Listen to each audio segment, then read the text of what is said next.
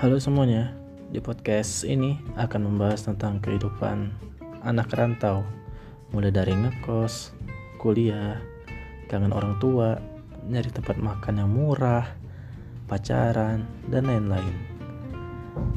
Di serba-serbi kehidupan ini juga, setiap minggunya akan membahas tentang kehidupan-kehidupan anak rantau yang mungkin kalian pernah ngalamin.